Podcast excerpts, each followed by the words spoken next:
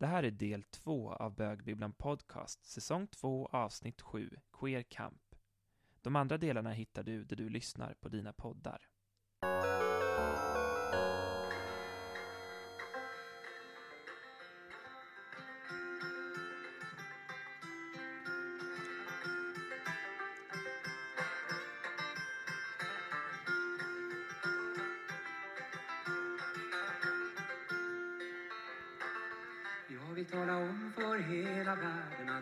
Är kär i Ville. När han sitter och glider på sin fiol är han världens sötaste kille. Är han världens sötaste kille? Villes morsa vill inte att han och jag ska vara tillsammans. För vi läser aldrig läxorna, vi bara kelar med varandra. Bara kelar med varandra. Villes farsa har sagt att han aldrig vill se oss ihop någon mer gång. Men vi träffas varje kväll ändå och låtsas spela pingpong. Magistern har sagt att Ville och jag får låta bli att hitta på någon dumhet. Vi hinner aldrig till fotbollsplan, vi blir kvar i omklädningsrummet. Vi blir kvar i omklädningsrummet.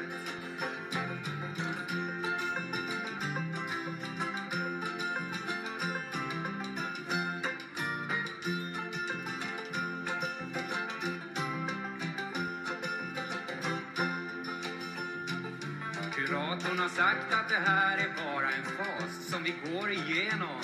Men om den går över har jag ingen lust att leva utan honom. Och leva utan honom.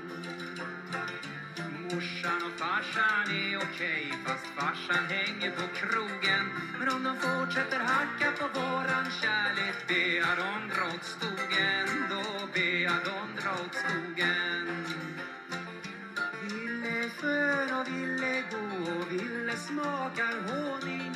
Men ingen av oss är 18 år så ingen av oss är lovlig. Så hemma har de sagt att om vi gör det igen så ringer de bängen. Så därför har vi gjort det nästan överallt utom i sängen. Ah, utom i sängen är skönt att vara i parken i sommarns varma vindar. När blodet brusar i alla vener och luften börjar brinna. Jag vill tala om för hela världen att jag är kär i Ville. Och han har sagt till mig att jag är världens skönaste kille. Är världens skönaste kille.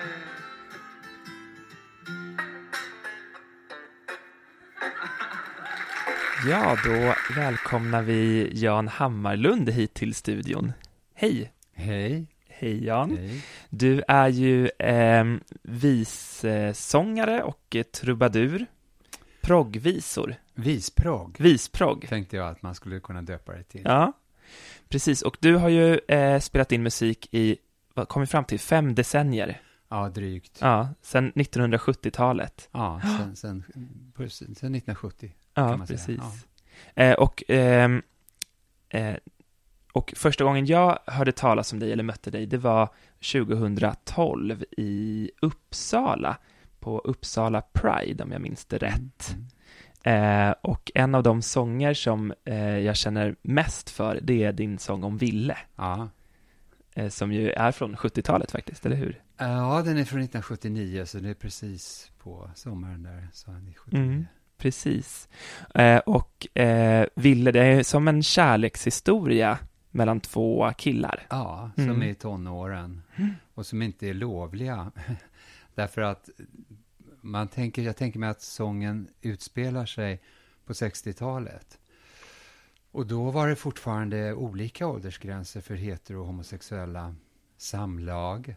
Mm. Ehm, så att eh, de här killarna som var över 15 men, men under 18 var eh, olagliga. Och det, för jag kände att det behövde, man, jag ville liksom lägga in alla, all, vad ska man säga, alla, alla motgångar, alla tänkbara motgångar som mötte ett homosexuellt par.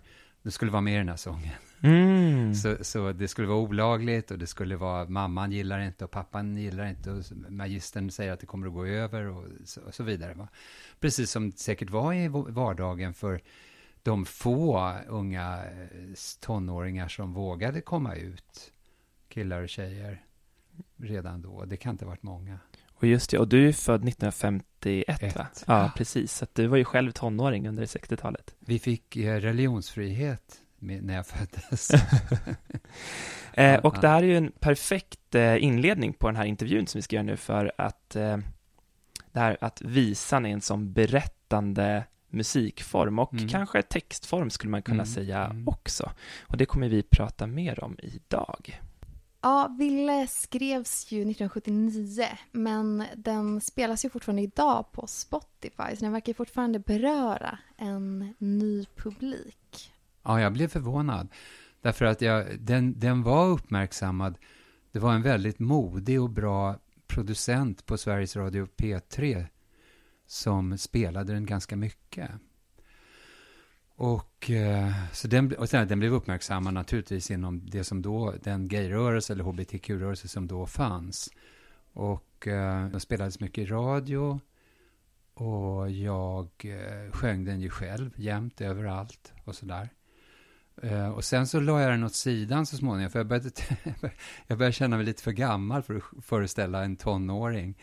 Så att ehm, jag, jag la den åt sidan som sagt var. Och sen kom ju Spotify och allt det här så småningom. Och då tittade jag med min stora förvåning att denna gamla låt som jag inte själv sjunger särskilt ofta har, har blivit jättepoppis och, och snart, ja, på väg mot miljonen streamingar, strömningar, strömmingar, eller vad det heter.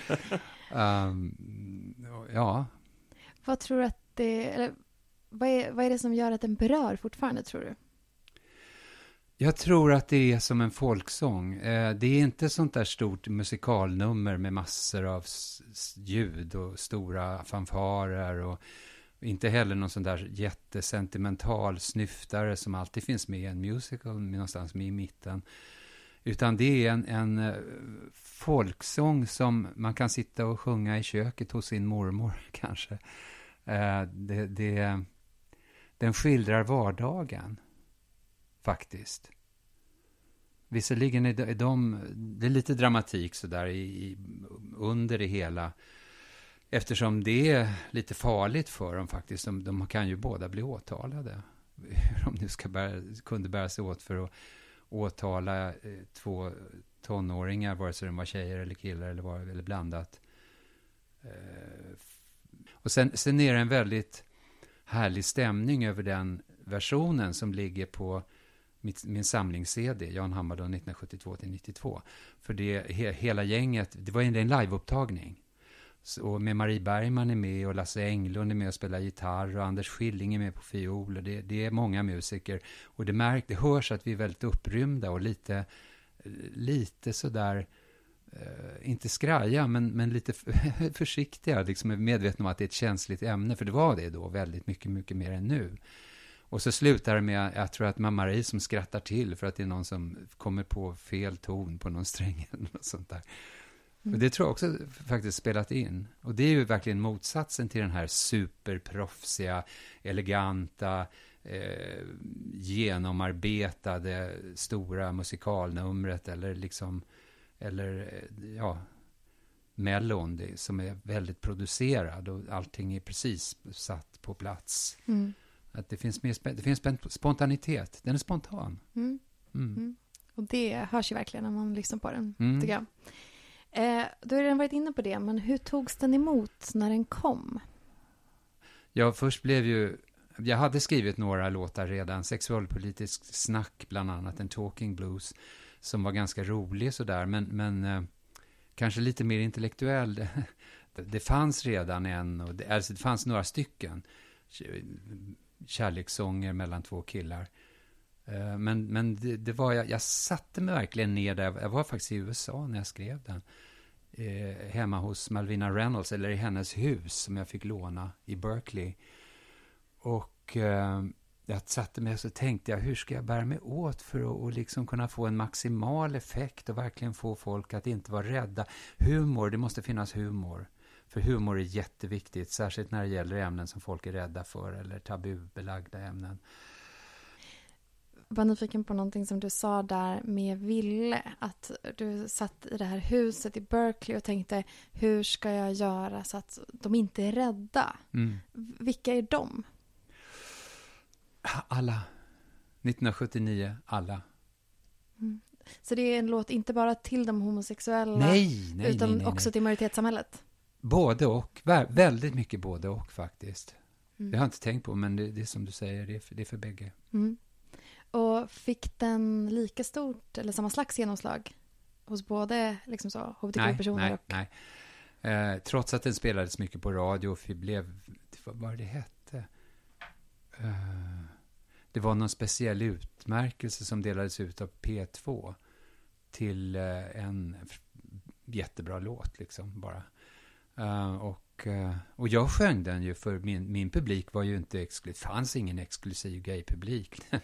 det, folk räckte inte till till det, utan det, jag hade ju, jag sjöng med för min, min vanliga eh, publik överallt, Mm. hela tiden. Och jag, jag var ute och sjöng, ja, 10-15 gånger i månaden åtminstone. Mm.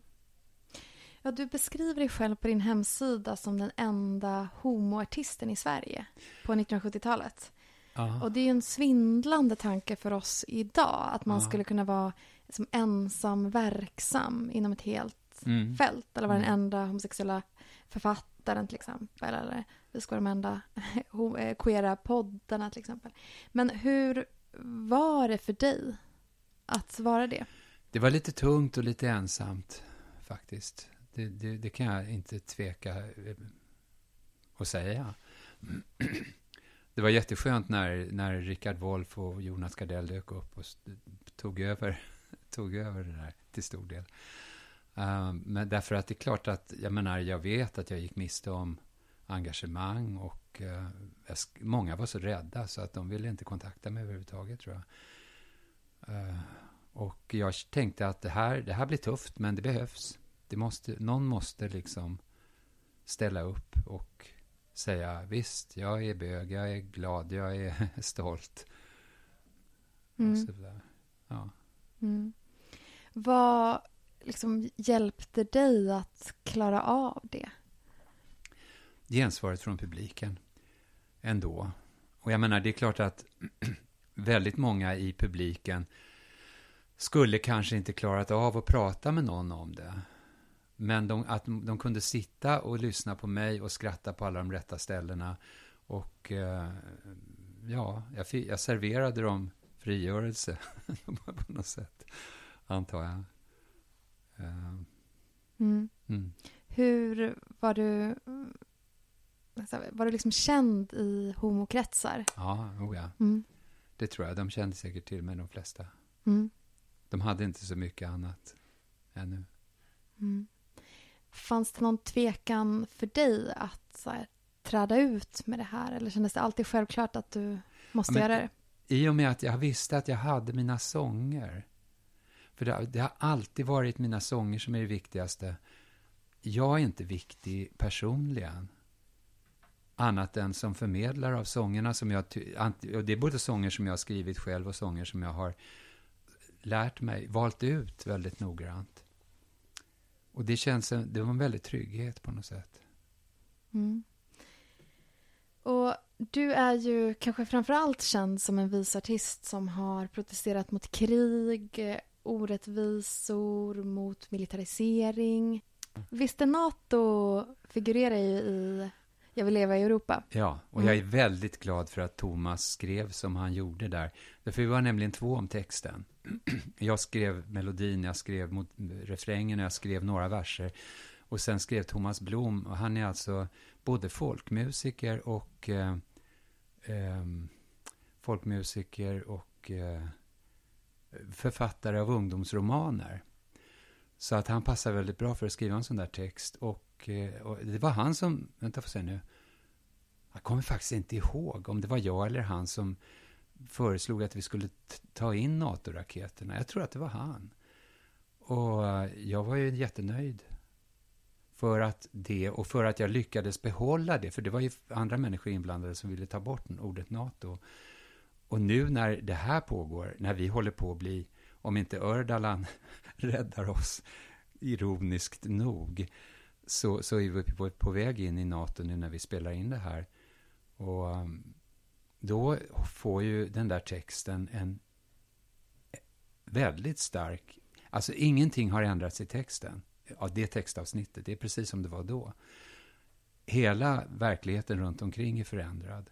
Och då blir sångtexten också förändrad, fastän den är samma. Eh, så att, ja. Mm.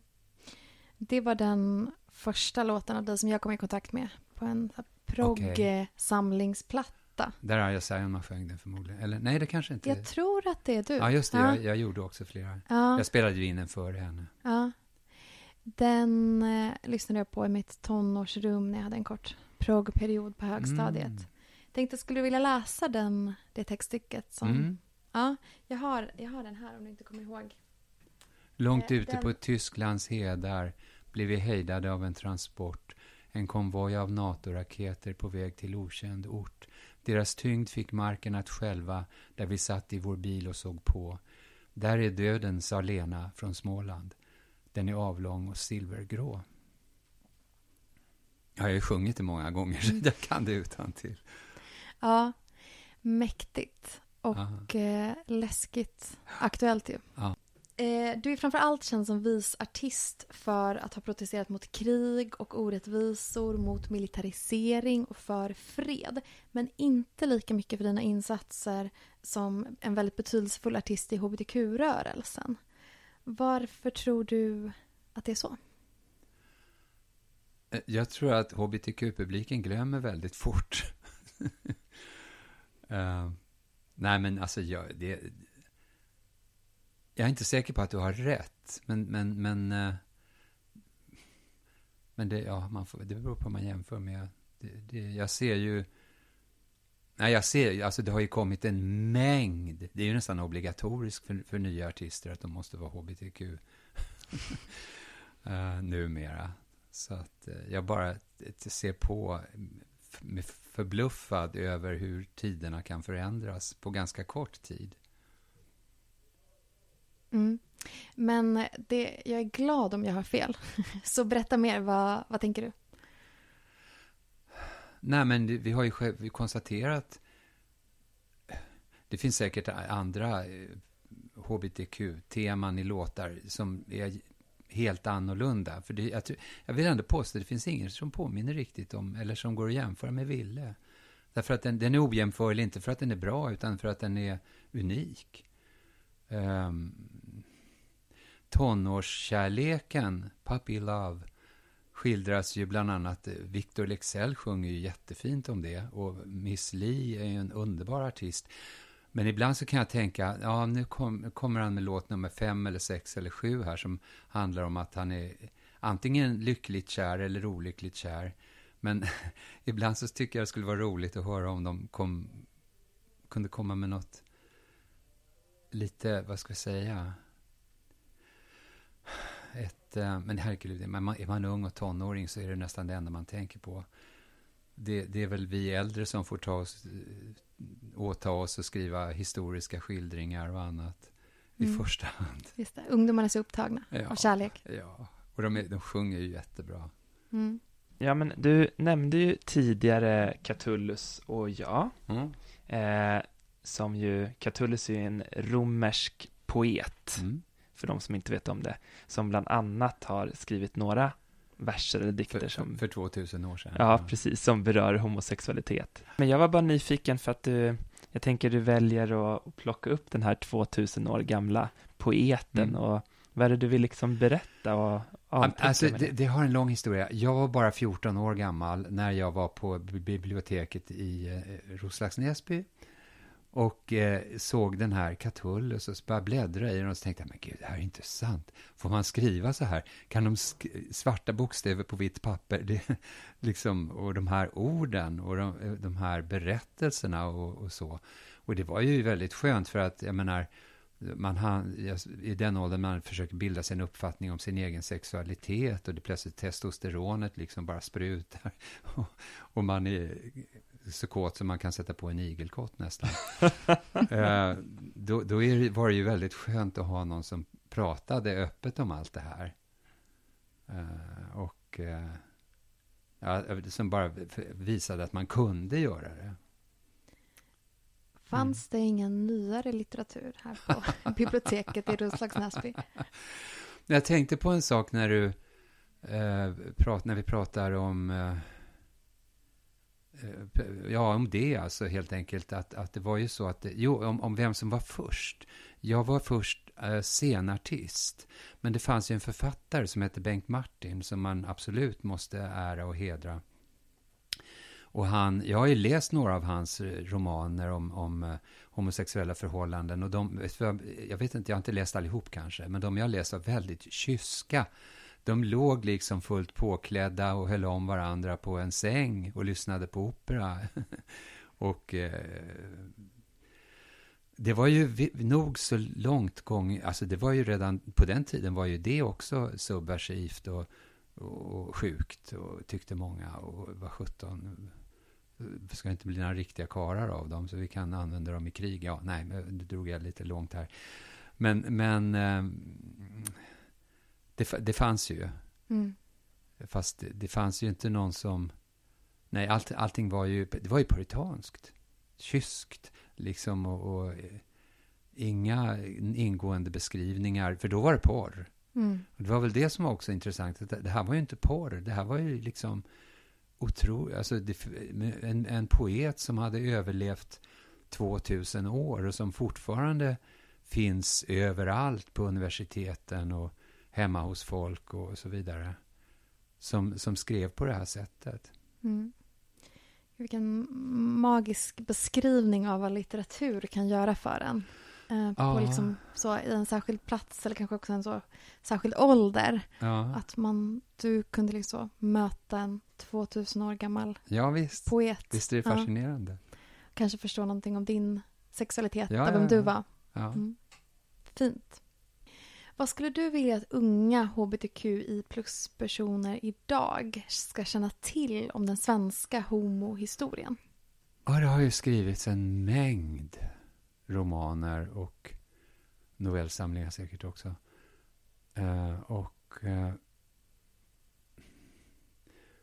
jag hoppas att de läser det här och inte bara tittar på tv-serier som det blir, brukar bli av det.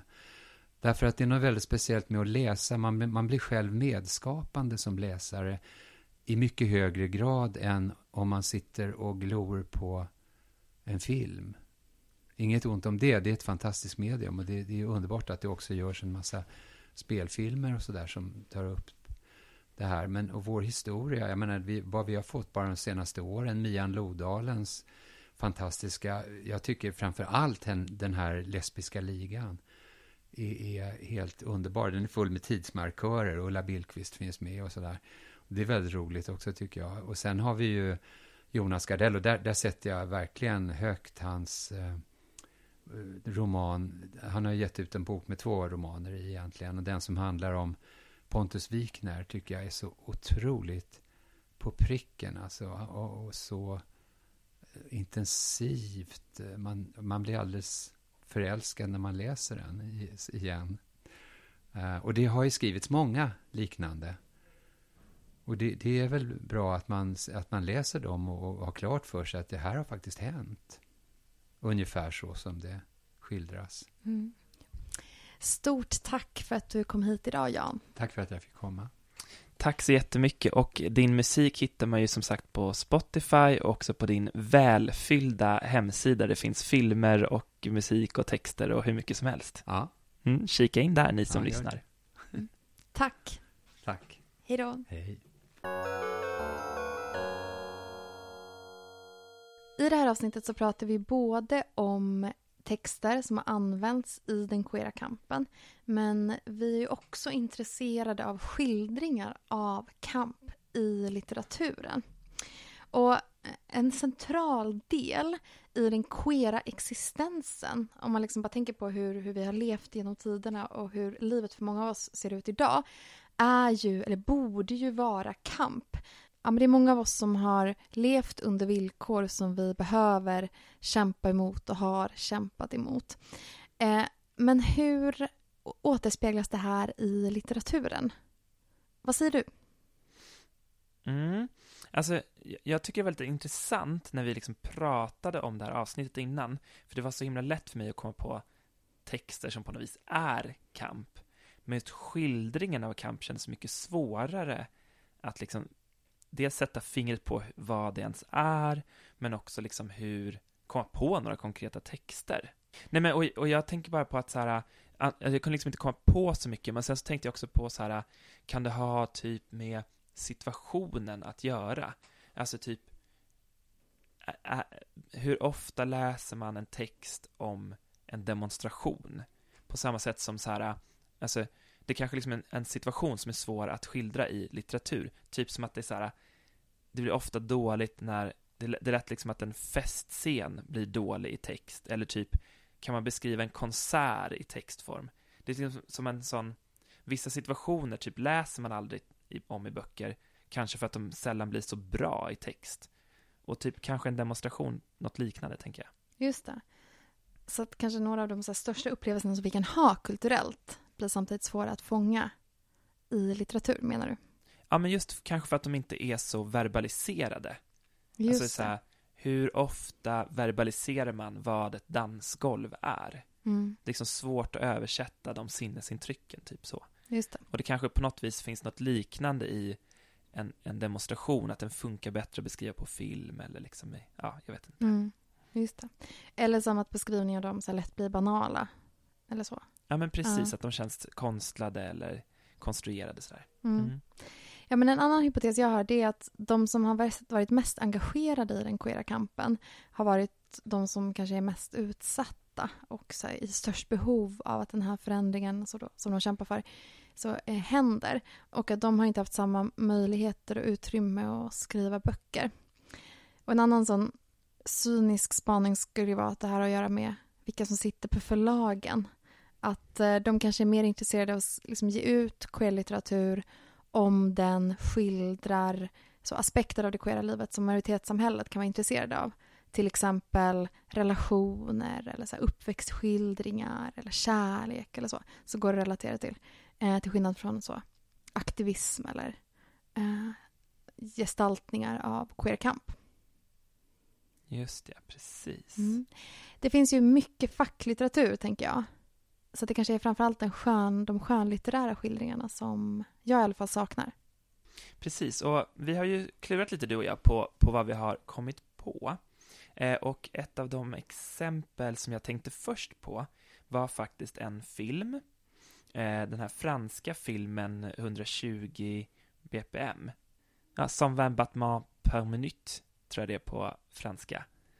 Eh, som alltså är en skildring av den franska aids-aktivismen på 80-talet. Som är en otroligt stark skildring eh, som verkligen fångar demonstrationerna och manifestationerna och motståndet och, och också intressant tycker jag fångar liksom organiseringen eh, bakom motståndet. Men det är som sagt en film eh, som Eh, otroligt sevärd. Men jag tänkte också på en litterär skildring av något, något liknande är Rebecca Mackays The Great Believers som är en skildring av eh, HBT-rörelsen i Chicago i slutet av 80-talet och i början av 90-talet när också aids-epidemin verkligen liksom härjar det communityt.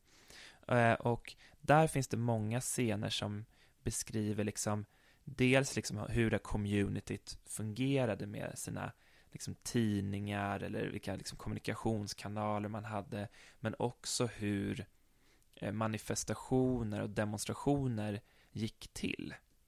Eh, och hon har verkligen, tycker jag, lyckats liksom översätta de situationerna till textform. Där det liksom är det här yttre skeendet och hur det speglas liksom i ett inre skeende i romanpersonerna.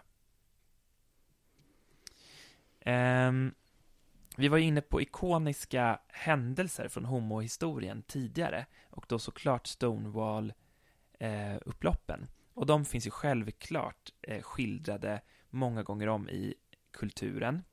Eh, vi ska börja med att hissa en varningsflagga för filmen Stonewall som kom för eh, några år sedan, där man liksom har skrivit om historien och gjort alla karaktärer vita och att det är framförallt bögar som står i främsta ledet och man har tagit bort transpersonerna och så.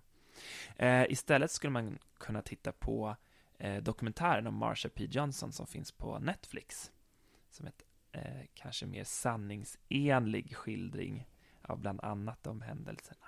Mm. Och en annan bok som redan varit uppe några gånger här i podden är Stone Butch Blues, men den, det går inte att prata om queer kamp utan att nämna den. Uh, så den berör ju temat kamp på flera olika sätt. Till exempel så är Jess huvudpersonen engagerad i den fackliga kampen, alltså för arbetares rättigheter.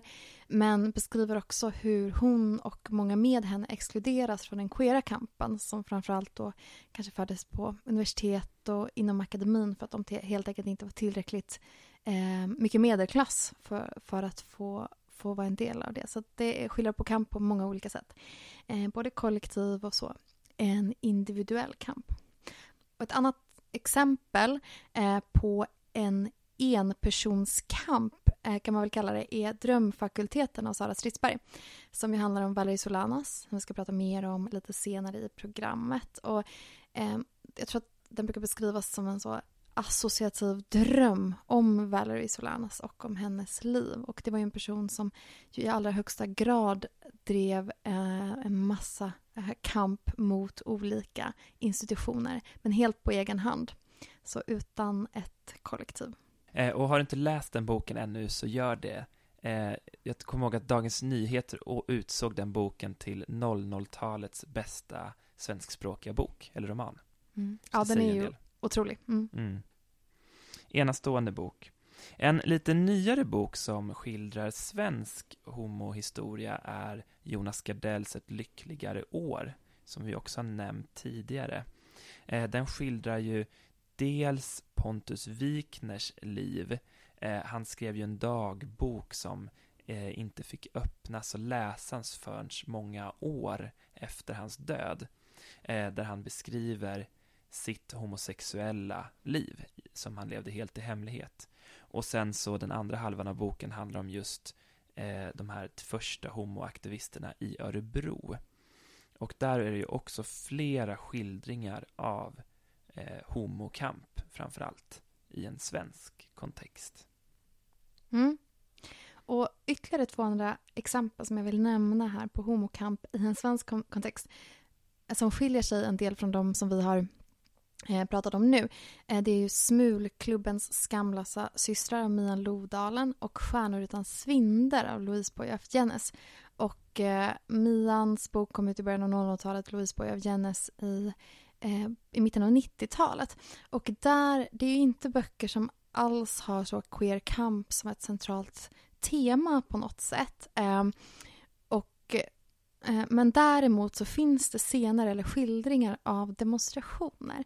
Och det tycker jag var så intressant, så framförallt kanske i eh, Stjärnor utan svindel, att det är på något sätt, eh, när huvudpersonen, hon är liksom eh, från hon är liksom adlig och gift med man men råkar då bli kär i en så lesbisk radikalfeminist som då är eh, Mian Lodalen då, men heter då Kaja i den här boken. Eller så sägs det i alla fall att det, det, den karaktären är baserad på henne.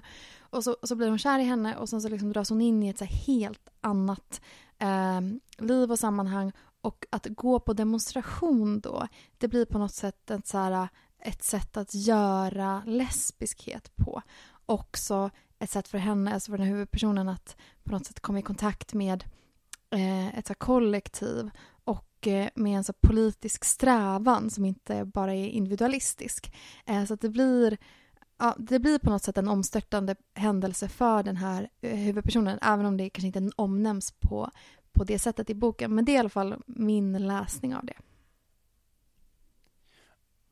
Superintressant. Och där är ju också Smulklubbens skamlösa systrar kan man ju säga att just eh, aktivismen är på något vis en del av vad ett lesbiskt liv är i de här personernas liv. Mm. Man dejtar någon, man går lite på en demo, dricker lite vin. Ett drömliv helt enkelt. ja, det låter faktiskt ganska härligt. Och vi har ju inte gjort bara en intervju här i Malmö till det här avsnittet utan två intervjuer och nu sitter jag här med en gammal god bögbibblan-favorit, nämligen Saga Becker! Alltså så underbart att få ha med dig i podden Saga. Ja, så kul. Mm, jätteroligt. Eh, vi älskar ju eh, Våra tungor smakar våld och vi älskar dina noveller Mhm. och dina filmer och eh, så kul att vi äntligen får sitta ner och prata tillsammans. Ja, jättekul att jag får vara här. Mm, vad roligt att det känns så. Ja. Du, du är ju här för att vi sitter nu på eh, Page 28, Ja. queerbokhandeln i Malmö och du är här för att ni har en samtalsserie tillsammans, eller hur? Ja, jag håller ju i eh, den queera litteraturscenen Bläck som eh, finns på inkomst. Då är Page 28, eh, Page 28, eh, en samarbetspartner. Det är de som väljer ut färgpoeterna till varje bläck. Mm. Alltså det är så himla häftigt att vara i Malmö för att det händer så himla mycket queert litterärt här. Ja. Det är så Nej men det här är väl otroligt. place to be. Verkligen. eh, vi ska se till att resten av Sverige också blir the place to be för queer-litteraturen. Mm. Det hoppas jag verkligen. Mm. Vad heter det? Nu ska vi prata lite om eh, ditt, dina texter och ditt konstnärskap och, Ja. och vad det är. Och, och det första som jag tänkte på inför att vi skulle träffas eh, var liksom att du har ju rört dig mellan så många olika eh, konstuttryck och, och också olika roller, både som skådespelare och regissör och, ehm, och, och författare och skribent. Så. Vad liksom är det som, som driver dig till att utforska olika uttryck så här? Men jag tror att olika att olika uttrycksformer kompletterar det jag vill berätta på något sätt. Att varje konstform är begränsad till dess egna ramar på något sätt. Och men också att jag vet inte om jag är bra på någonting förrän jag provade. Och då vill jag gärna prova det. Ehm, och jag försöker utforska och berätta det som kanske inte går fram i litteraturen kan jag berätta i bildspråk i, genom filmen. Till exempel. Och, och tvärtom. Att Mm. det liksom... Ja men på något sätt att utforska olika gränser. Mm. Och krossa dem och röra sig i olika, olika rum på något sätt.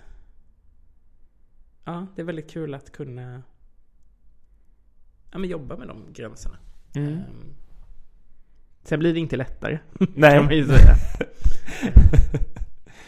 Är det för att du upptäcker liksom fler sidor att arbeta med eller fler så här, en annan kritisk blick eller något sånt där? Ja men den kritiska blicken kommer ju. Ja. Eh, och man blir både skadad men också kanske lite begränsad. Men sen vet man väl kanske att man måste också begränsa sig själv. Eller så här, kill your darlings eller så här. Ehm, men att skriva är svårt. Det är Mm. jättesvårt. Ehm, och ja, det är, det är för mig är det också så här, det, det gör ju ont att skriva på något sätt. Och jag gillar väl också att förgöra mig själv litterärt. Eller så här, Mm. att det är något eh, fint i det på något sätt. Mm. Jag tänker på det där när du säger att här, det är ont att skriva. Och, och en sak jag tänkt på i dina texter, alltså både på Instagram men också i romanen och dina noveller och, och så tänkte också, tror jag att jag tänkte på det när jag såg Fuckers, att det är ett väldigt sådär direkt tilltal. Att jag alltid känt så här, gud det är verkligen en röst som så träffar mig. Det är liksom ingen röst som så lindar in mig eller liksom viker undan ett så här rakt på liksom så. Ehm, och att det är väldigt starkt liksom. Hur, hur, är det något du har tänkt på att du har valt att berätta på det sättet? Och, och kan det ha att göra med det här att det är ont att skriva? Men jag tror också att det har... Men jag tror alla skrivande personer har sina litterära förebilder. Eller så här det som är själv. Och där tror jag att författare som jag har läst i hela mitt liv har väl påverkat mig där. Jag tror att så här första boken så här, jag kände igen mig i var Vinklippt ängel av Bergny Paulsson. Som är väldigt direkt och väldigt poetisk och väldigt... Um, ja men det är också ett väldigt direkt tilltalande språk som, um, som inte försöker förfina så här, självdestruktivitet på något sätt. Och sen kommer jag ihåg att jag läste um, De i utkanten älskade av Malin Nilsson, som också var en helt fantastisk bok. Um, och sen började jag läsa så Dennis Cooper också när jag var 16, 17 tror jag. Um, så litteraturen har ju varit väldigt eh, rå och direkt. Och jag tror att det har format format mig i mitt författarskap. Att jag vill... Ja, litteratur ska kännas. Mm. Jag vill, eller jag vill skriva det så som jag upplever när jag läste litteratur som har påverkat mig på något sätt.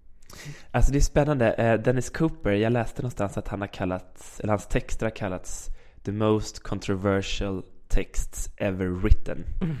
Mm. Jag vill inte ha det. Vem vill inte bli kallad det? Och då tänker jag att, att läsa det mest kontroversiella som någonsin har skrivits när man är, är 16, att det, att det, det kan ju såklart påverka ens eget konstnärsskapande. Ja, men jag tänker också, nej jag vet inte hur bra det var att jag som 16-åring läste Dennis Cooper. Men jag gjorde det. Och men jag tror också så här, det ligger kanske, eller jag tycker inte att man ska lägga sig värdering i vad eller, olika folk läser olika saker och man ska inte... Jag var väl för första gången så här, kände jag mig speglad av en litteratur. Jag bara oj, kan, får man skriva sånt här? Eller kan man skriva sånt här? Och den boken var väl den första boken som nästan fick mig att svimma när jag läste. Och då var det Closer, eh, närmare, som är den första i hans bokserie av fem böcker tror jag. Mm. George Miles Series, tror jag den heter. Precis, det är alltså en serie med fem böcker som handlar om hans gamla älskare som gick bort ung. Hans första kärlek, typ. Ja. Um... Och de är otroligt, det är verkligen undersökande texter som verkligen går in i kroppen, både så bokstavligt ja. och bildligt och på något vis. Ja. Jag tror att jag nästan och... kräktes faktiskt ja. en gång jag läste en av, av de böckerna. Ja. Mm. Eh, och då tänker jag att, att, att om litteratur kan påverka så mycket, eller fick mig att känna så mycket, Oavsett vad det är, om det är kärlek, om det är skräck eller om det är eh, rädsla eller om det är äckel. Så är det... Nej men jag tycker inte att man... Är det någonstans där man ska kunna utforska mörkret så är det i litteraturen. Mm. Tycker jag. Mm. Och sen är det också så här, if you don't like it, don't read it. Alltså så här, livet är för kort också för att läsa dåliga böcker. Mm. Tycker inte jag om en bok, nej jag kommer inte läsa ut den. Förlåt. Men så, så funkar jag. Och smaken är som baken. Just det, precis. så här. Så att, ja, så jag tycker så här, döm inte andra för vad de skriver eller vad man läser på något sätt. Nej. Nej. Men vi har fått väldigt många tips här från dig. Mm. Um, jag tänkte på att så här, litteraturen är en plats liksom för att väcka känslor eller undersöka känslor mm. kanske och så. Och så tänkte jag på en scen som har stannat verkligen hos mig så här flera år efter att jag läste eh, din bok Våra tungor smakar våld. En scen när huvudpersonen tittar ut genom ett bussfönster mm, mm. och ser liksom en blick som är något slags så här, uppstår någon känsla av syskonskap där. Mm. Och den känslan, alltså jag kan liksom inte släppa känslan jag fick när jag läste det så. Det verkligen så här bor kvar i mig och den mm. känns som en sån den känns nästan som revolutionär den känslan mm. för att den bara så här, vi finns här trots allt på något mm. vis. Va, och, och, jag tänker det finns någonting liksom i, i dina texter som känns revolutionärt så. Gud. Är, det, är det något du har tänkt på, på själv? Nej, alltså inte så. Eller jag skriver ju mest, jag har ju, jag skriver ju för min egen skull. Sen, nej men jag skriver ju inte kommersiellt och det är inte heller, alltså så här, jag skriver för det jag själv vill läsa och det är ju en mix av så här, romance, poesi, skräck och eh, erotik. Och det har jag ju märkt nu när jag håller på med andra boken som alla författare säger är så här den, den svåraste boken att skriva. För man, framförallt om man har fått så här positiv respons på första. Vilket jag fick. Så att jag har så här prestationsångest. Jag har tappat bort mig själv. Ehm, så jag måste liksom återupptäcka lusten till skrivandet på något sätt. Då måste man på något sätt bryta ner sig själv och bygga om på nytt. Mm. Vilket är så lättare sagt än gjort. Ehm, Har nå- hur kan det gå till? Bryta ner sig och bygga upp sig själv på nytt? Nej men jag tror att jag var fast liksom i i en gammal historia och en så här en gammal form. Så nu försöker jag liksom by, bryta loss formen kanske. Eller ja, eller historien kanske. Um, och så här bara hitta nya sätt att berätta på på något sätt. Eller hitta tillbaks till gamla sätt. Ja, jag vet inte. Det är en process fortfarande i min hjärna. Um, jag tror att jag begränsar mig själv genom att jag tänker vad folk ska tycka om saker jag skriver innan jag ens har skrivit det. Så då blir det ingenting. Ehm, så jag måste bara ta bort läsaren och skriva för min egen skull. Mm. Ja, men det är något spännande tänker jag där med blicken, liksom den yttre blicken och försöka tänka bort den. För jag tror att många queera personer generellt är väldigt så medvetna om yttre blickar och hur den blir sedd och uppfattad och att det liksom kanske mer än andra måste så här öva på Ja. bara jag är jag och jag kan stanna mig och den här yttre blicken finns där men jag måste försöka Alltså det är något som man har varit så medveten om liksom genom kanske en lång tid i sitt liv liksom. Ja, men jag tänkte ju också bort det när jag skrev Våra tungor smakar våld. Där jag var... Där jag ville vara 100% ärlig och rå och... Jag vet inte om jag idag hade kunnat skriva eller ha med vissa av de scenerna som ändå kom med i boken. Eh, idag. Bara för att jag var så... Jag hade inte gjort processen liksom. Att ge ut någonting. Och sen har det bara varit positivt. Så att jag vet, heller, jag, jag vet heller inte egentligen vad den här rädslan för skrivandet har kommit ifrån. Ja, som Mm. lite begränsande. Ja, jag är just, i, just där nu i mitt skrivande. Är jag i något slags begränsande tillstånd. Som jag bara försöker komma över. Mm. Ehm, som jag kommer komma över. Men Mm. Någon som fick, har fått otroligt mycket skit för sitt skrivande är ju Dennis Cooper. Nu kommer jag tillbaka till honom, men han har ju verkligen Ja. fått skit för att han inte, från särskilt eh, gay-communityt Mm. kan man säga, för att han inte har skildrat liksom den så här vackra eller goda sexualiteten, utan en Mm. väldigt så destruktiv sexualitet. Och liksom att det skulle ha motverkat liksom eh, HBTQ-rörelsens, liksom att bli accepterad i det amerikanska samhället. Så, så att man kan ju bli utsedd som representant för något man inte har bett om också. Men så tycker jag så här eh, HBTQ-communityt eh, överlag har ju alltid försökt städa bort det som inte får plats i finrummet och så ser det ut. Och så har det alltid fungerat för det har, så har det varit ända sedan, så här sen HBTQ-kamp har funnits så har man alltid försökt städa bort det som inte är fint. Och då är det ju oftast så här ja men så här missbrukare, sexarbetare, alltså personer som inte är fina nog för att få plats i finrummet. Mm. Eh, som inte är familjevänliga eller städade nog liksom. Mm. Och då känner väl jag som, som aktivist eller som och i mitt konstnärskap då försöka strunta i det. Alltså mitt liv är skitigt, jag har varit skitig som fan. Och, och jag vet att folk som är städade, de är fucking också, inte, de är fucking också skitiga. Så att... ehm, och det handlar väl på något sätt, jag vill visa min värld. Och då... Då kan jag inte ha något slags glittrande hölje över det. Mm. Utan då måste jag visa det 110%. Och jag tror också det är därför så här folk gillar det jag skapar. För det är ärligt. För jag tänker på din novell Sommarnatt som finns i eh, feministisk erotiknoveller på Leopard förlag. Ja. Att eh, den, eh, alltså erot- erotiska noveller blir lätt här, lite så här platta stereotyper ibland Mm. med fokus på typ handlingen. Mm. Men jag tycker den novellen är ett sånt bra exempel på hur erotik också kan ha liksom hela karaktärer som man, man förstår att här finns det drömmar och här finns det liksom drivkrafter som kanske är motstridiga eller liksom att det Mm. Och, och det tycker jag är så ovanligt och var så starkt, just den novellen. Gud vad kul att du tycker det. Eh, Jag, är, jag är väldigt nöjd med den Mm. eh, novellen.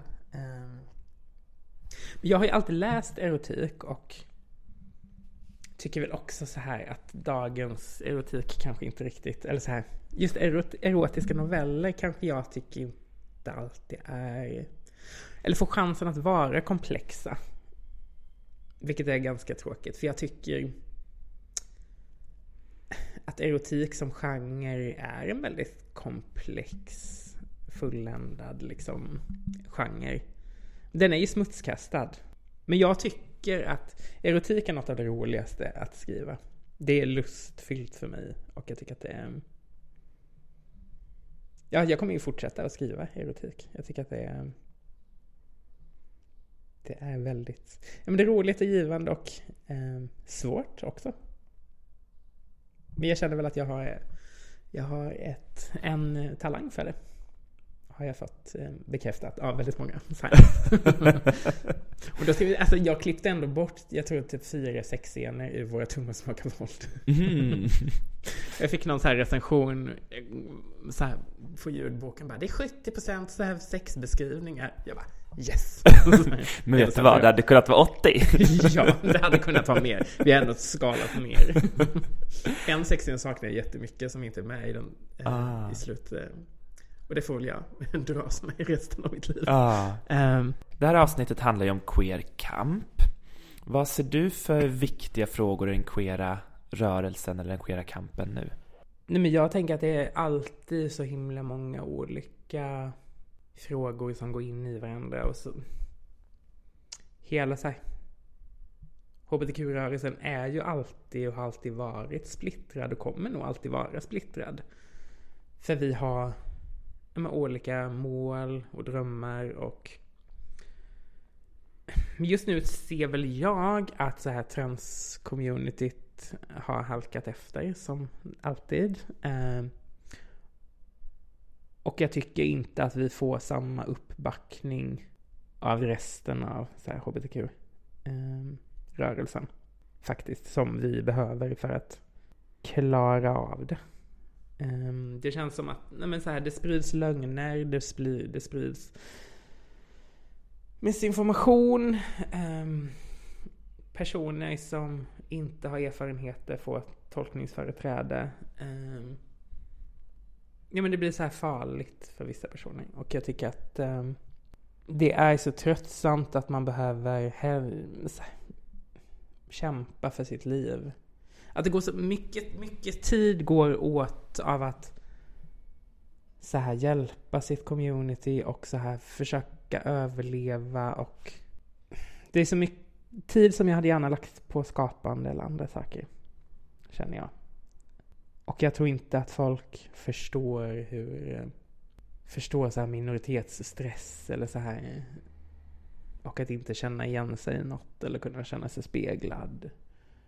De som inte förstår det är ju de som är speglade. Och där känner jag att det finns så oerhört mycket mer att göra. Det, det lilla som finns räcker inte.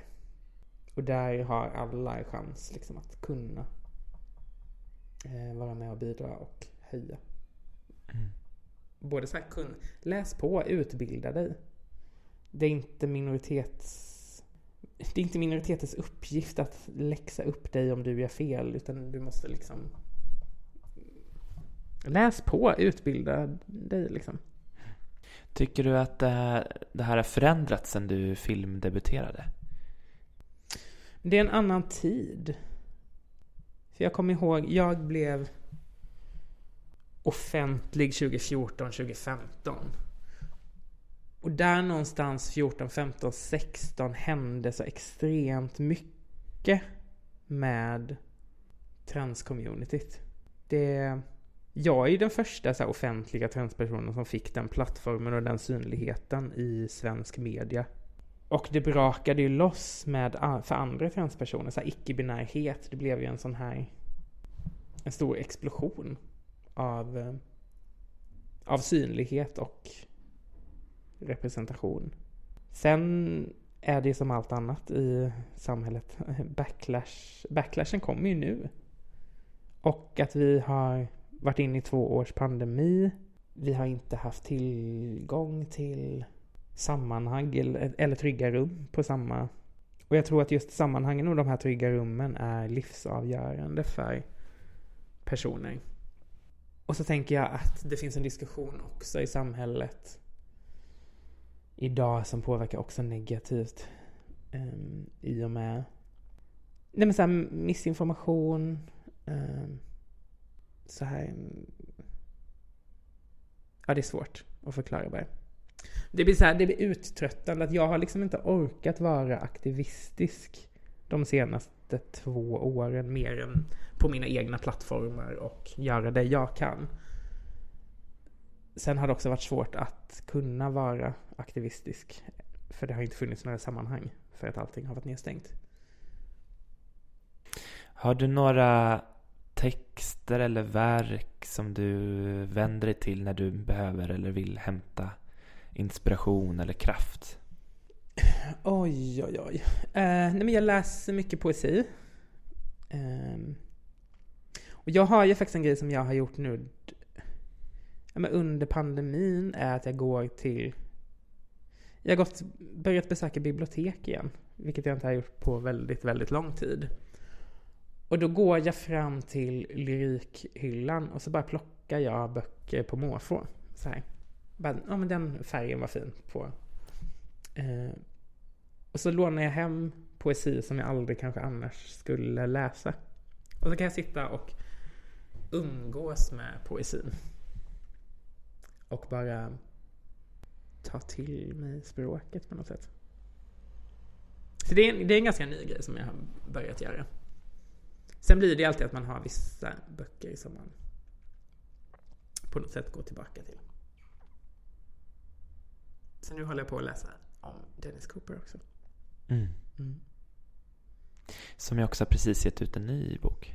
Ja, precis. Som jag inte har läst. Mm. Inte jag heller. Ska jag avslöja. Ja.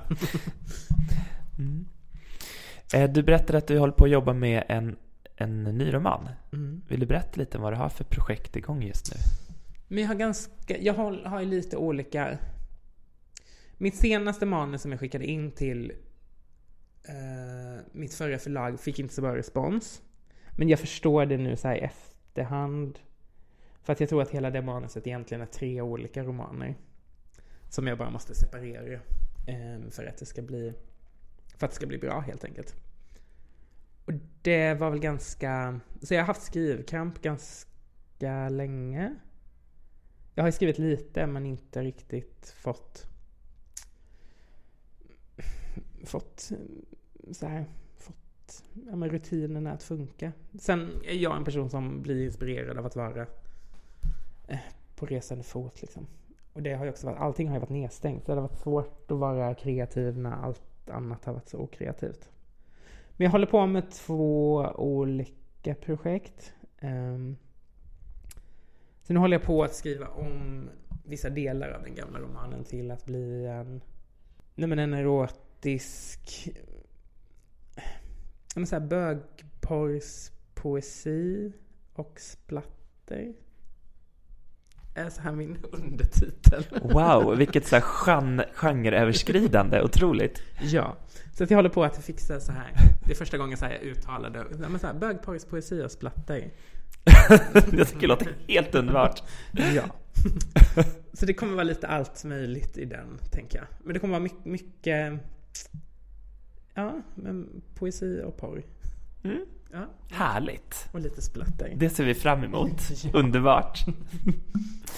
Du Saga, tusen tusen tack för att du ville vara med i Bögbibblan podcast. Tack för att jag fick vara med. Och tack för allt att du har delat med dig av dina tankar och alla boktips framförallt. Det här kommer Ja. vara så härligt att få lyssna på sen. Tack. Hej! Du har lyssnat på del två av Bögbibblan Podcast, säsong 2, avsnitt 7, Queer Camp. De andra delarna hittar du där du lyssnar på dina poddar. Vilka som har varit med och gjort det här avsnittet möjligt, det berättar vi efter den sista delen.